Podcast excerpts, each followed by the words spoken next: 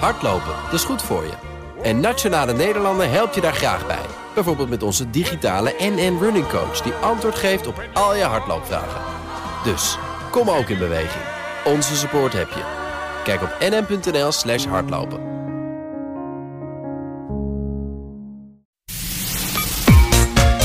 BNR in Europa. 2G-tournee. Welkom bij de 2G-tournee van BNR Europa. Waarin ik, Geert-Jan Haan, Europa-verslag geef bij BNR... door diverse Europese landen reis op zoek naar verhalen die samenhangen met het nieuwe coronabeleid. Wat gaan we in Europa doen met die fragmentatie aan 2G, 2G+, 3G, verplichte vaccinaties? Wat doen we met al die nieuwe lockdowns? Hoe zorgen we ervoor dat we wel kunnen blijven reizen?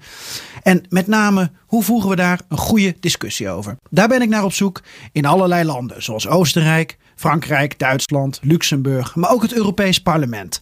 En dit is een van die gesprekken. Caroline Nachtegaal, Europarlementariër uh, in de Renew-fractie namens de VVD.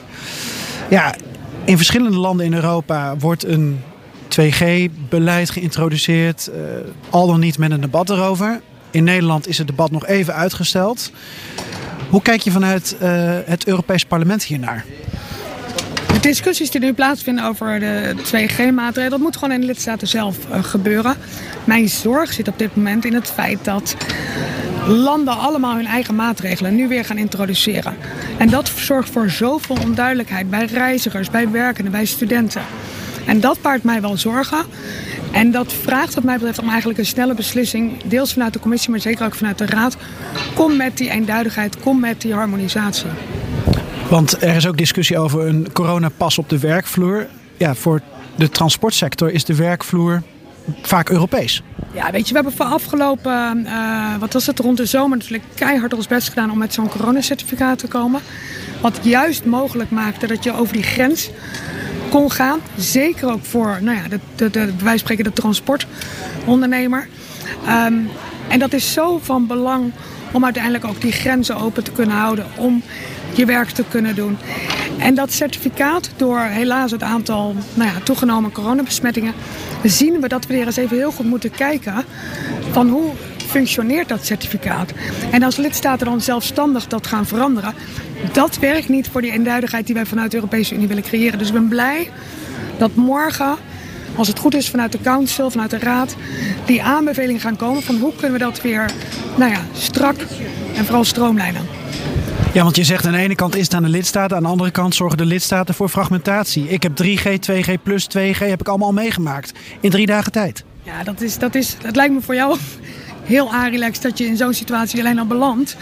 Maar daarmee ben je nu wel een soort van ervaringsdeskundige geworden. Maar je moet je bedenken dat heel veel mensen hier mogelijk mee te maken gaan krijgen.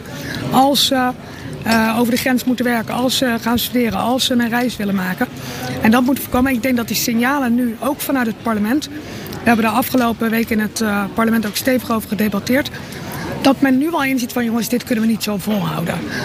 Los van de discussies in de, in de lidstaten zelf plaatsvinden, moet je nu vanuit de commissie, vanuit de raad komen met eenduidigheid. Zeker ook naar de sector toe die we, die we in die zin moeten bedienen. Ook in het Europees Parlement is uh, ja, dus een discussie gevoerd, maar ook uh, over Europarlementariërs zelf. Sommigen zijn ongevaccineerd of zijn uit principe tegen het idee van uh, bijvoorbeeld 2G in het Europees Parlement op deze plek als werkvloer. Hoe kijk je daarnaar? Kijk, persoonlijk vind ik gewoon vaccineer jezelf. He, hou je aan de basisregels, maar vaccineer jezelf ook. Omdat dat gewoon heeft bewezen hoe belangrijk het is om de coronabesmettingen in grote mate tegen te gaan.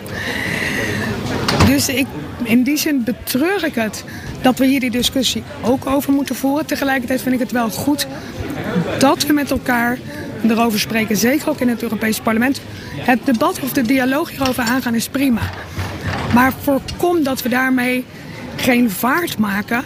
En dat we te lang doen over waar we nu met elkaar in korte tijd heen moeten. Welke situatie is op dit moment wenselijk. Dat is dat A, zo snel mogelijk die besmettingen naar beneden gaan. En B, dat er duidelijkheid wordt gecreëerd over hoe wij in de Europese Unie als landen gezamenlijk hiermee omgaan. Daarin heeft dat Europese agentschap een rol met hun kleurenkaart. Daarin hebben lidstaten een verantwoordelijkheid over type maatregelen. Maar vergeet ook niet als individu jij en ik hebben ook een verantwoordelijkheid over hoe we in deze situatie omgaan met ook eh, andere mensen om ons heen. Dat snap ik. Tegelijkertijd zijn de argumenten van uh, de Europarlementariërs die hiertegen ageren uh, begrijpelijk ook, omdat ze zeggen het zijn principiële bezwaren die we hebben. het heeft te maken met individuele rechten die we niet goed bediscussieerd hebben en die we nu tijdens een crisis onder handen gaan nemen. En dat is natuurlijk gek, want we hebben eigenlijk de tijd er niet voor. Maar het gaat om zulke fundamentele zaken dat je eigenlijk ook begrip moet opbrengen natuurlijk voor die Europarlementariërs.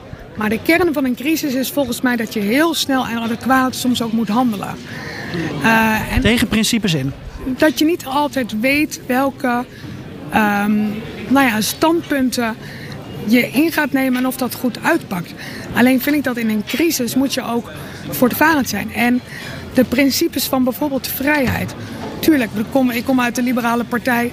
Het is onderdeel van onze naam, zal ik maar zeggen.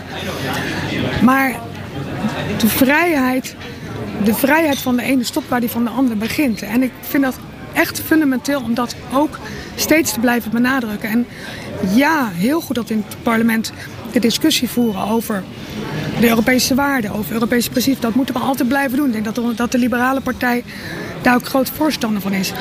Maar acteer ook en reageer ook in een tijden van een crisis assertief. En zorg dat je als commissie, als lidstaten en als parlement je rol pakt. En zorg dat we heel gauw uit deze situatie kunnen geraken. Twee vragen nog. Eén, heb je er dan geen moeite mee dat uh, de liberale partijen in Nederland, VVD en D66, eigenlijk pleiten voor een 2G-beleid? Wat toch niet voor iedereen even liberaal is? Wat ik, wat ik, wat ik, waar ik blij mee ben, is dat de VVD hiermee ook de keus om te zeggen, jongens, wij zien een mogelijkheid om hieruit te geraken. Dat is gewoon dat mensen gevaccineerd zijn of kunnen aantonen dat ze genezen zijn. We zijn stiekem een beetje ingehaald door de realiteit ten aanzien van de effectiviteit van het vaccin.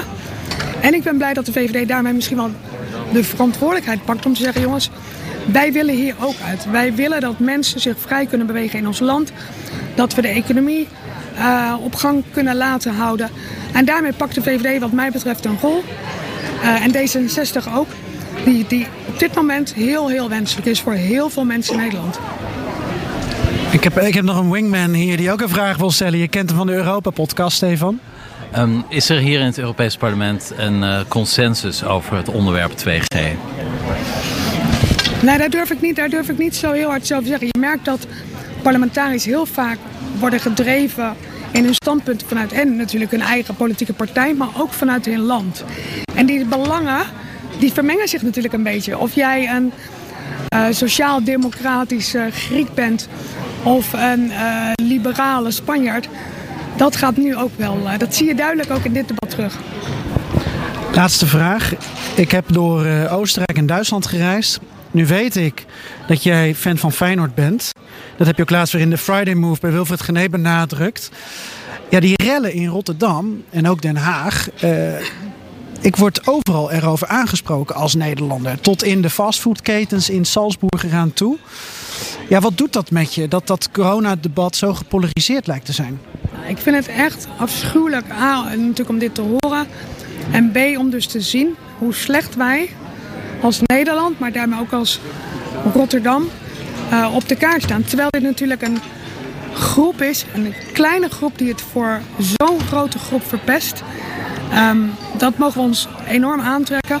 En ik kan alleen maar hopen dat deze gasten. Je wou idioten zeggen, maar dat heeft iemand anders al gezegd.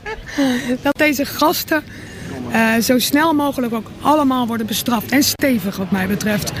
Want Feyenoord is natuurlijk de mooiste club uh, van Nederland. En laten we dat ook blijven uitstralen. Laten we een voorbeeldfunctie hebben. De club en ja, deze gasten, die zijn dat wat mij betreft absoluut niet. Ja, je sloopt je eigen stad. Lijkt me niet zo handig ook. Weet je, volgens mij hebben we als Rotterdammers geleerd dat je een stad opbouwt en niet sloopt. Dit was een aflevering van de 2G-tournee die ik maak door Europa. De volgende reis staat er voor je klaar. BNR in Europa, 2G-tournee.